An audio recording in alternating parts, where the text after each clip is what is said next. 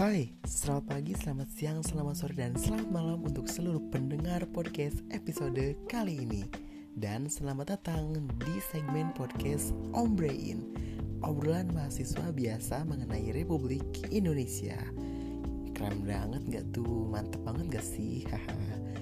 nah, kita selaku mahasiswa tentunya harus sadar hukum dan juga peduli dengan keadaan Republik Indonesia ini Nah, dan pada kesempatan kali ini aku bakal menyampaikan materi Eh, bukan menyampaikan materi tapi bakal ngobrol tentang suatu topik yang ada di Republik Indonesia ini Nah, tetapi sebelumnya pasti pada penasaran dong siapa sih pengisi suara ini? Oke, karena maka tak kenal maka tak sayang Tapi udah sayang malah disia-siain Eh, maaf jadi melenceng teman-teman. Hehe. Oke, perkenalkan nama aku Ega Prayoga dari program studi Manajemen Resort dan Leisure dari Universitas Pendidikan Indonesia dengan nomor induk mahasiswa 2007849. Dan pada kesempatan kali ini aku bakal ngobrol tentang dinamika pelaksanaan demokrasi di Indonesia. Sebelumnya nih teman-teman, ada yang tahu nggak sih apa itu demokrasi dan bagaimana sih pelaksanaan demokrasi di Indonesia? Nah, akan aku jelaskan. Hehe. Jadi menurut Abraham Lincoln, Presiden of United States of America yang keempat, yaitu menyatakan bahwa demokrasi adalah dari rakyat, oleh rakyat, dan untuk rakyat. Kalian pasti udah gak asing dong dengan perkataan ini. Oke, secara general, demokrasi adalah salah satu pemerintahan politik yang kekuasaan terbesarnya ada di tangan rakyat. Begitu. Nah, selanjutnya seperti yang kita ketahui bersama bahwa Indonesia ini merupakan negara demokrasi yang di mana kekuasaan terbesarnya ada di tangan rakyat.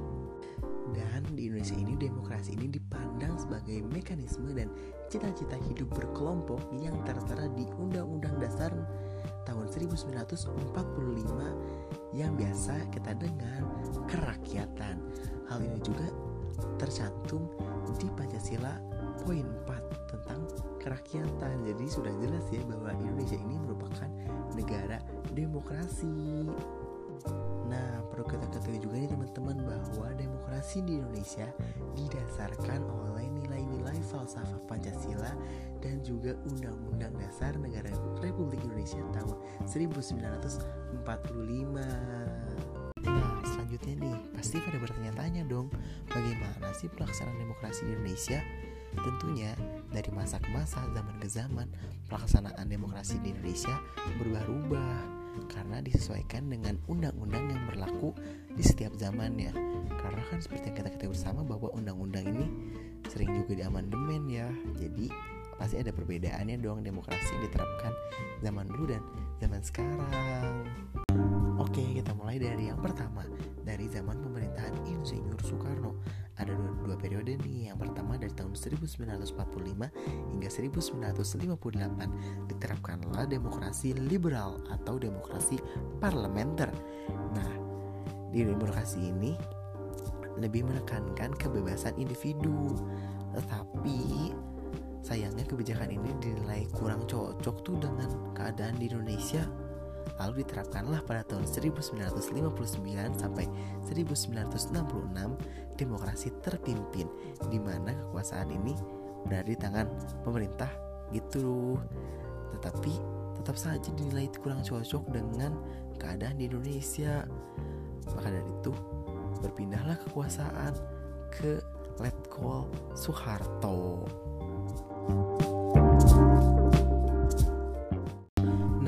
Pada zaman pemerintahan Letkol Soeharto dari tahun 1966 hingga tahun 1998 diterapkanlah demokrasi Pancasila berkedaulatan rakyat didasarkan oleh nilai-nilai dan falsafah Pancasila sebagai dasar negara. Tetapi pada pelaksanaannya, konon katanya ya, tidak berjalan secara lancar karena pada zaman ini Indonesia menjadi lebih otoriter dan semuanya diatur oleh pemerintah. Nah, hal ini ditandai dengan adanya demonstrasi yang ada di mana-mana dan juga kritik-kritik yang disampaikan oleh para pemuda Indonesia melalui lagu, melalui aksi, dan lain-lain. Nah, di ditandai dengan adanya demonstrasi besar-besaran tahun 1998 oleh buruh dan juga mahasiswa, akhirnya Leopold Soeharto turun jadi presiden.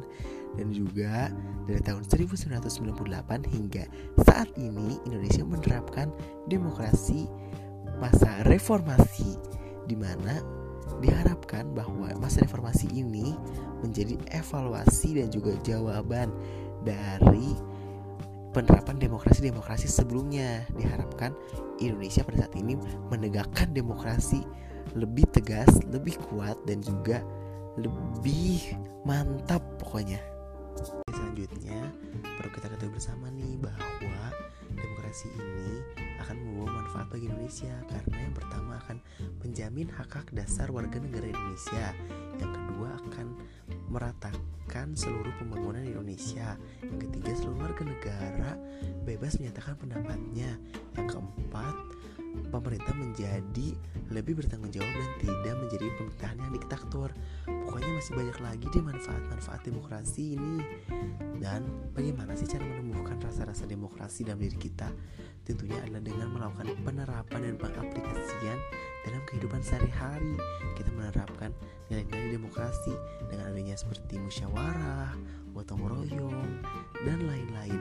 Hal ini tentunya harus diaplikasikan agar menjadi jiwa dan juga karakter kita sebagai warga Indonesia yang baik dan benar dengan berdasarkan Pancasila. Oke, cukup sekian yang dapat saya sampaikan. Terima kasih buat teman-teman semuanya yang udah mendengarkan podcast ini sampai habis. Mohon maaf ya kalau misalkan penjelasan aku kurang jelas dan juga ada kata-kata yang salah dan tidak berkenan di hati. Cukup sekian dan demokrasi adalah mendengarkan suara rakyat dan melaksanakannya. Insinyur Haji Joko Widodo. Saya Ega Prayoga dan sampai jumpa di episode podcast lainnya. Dadah. you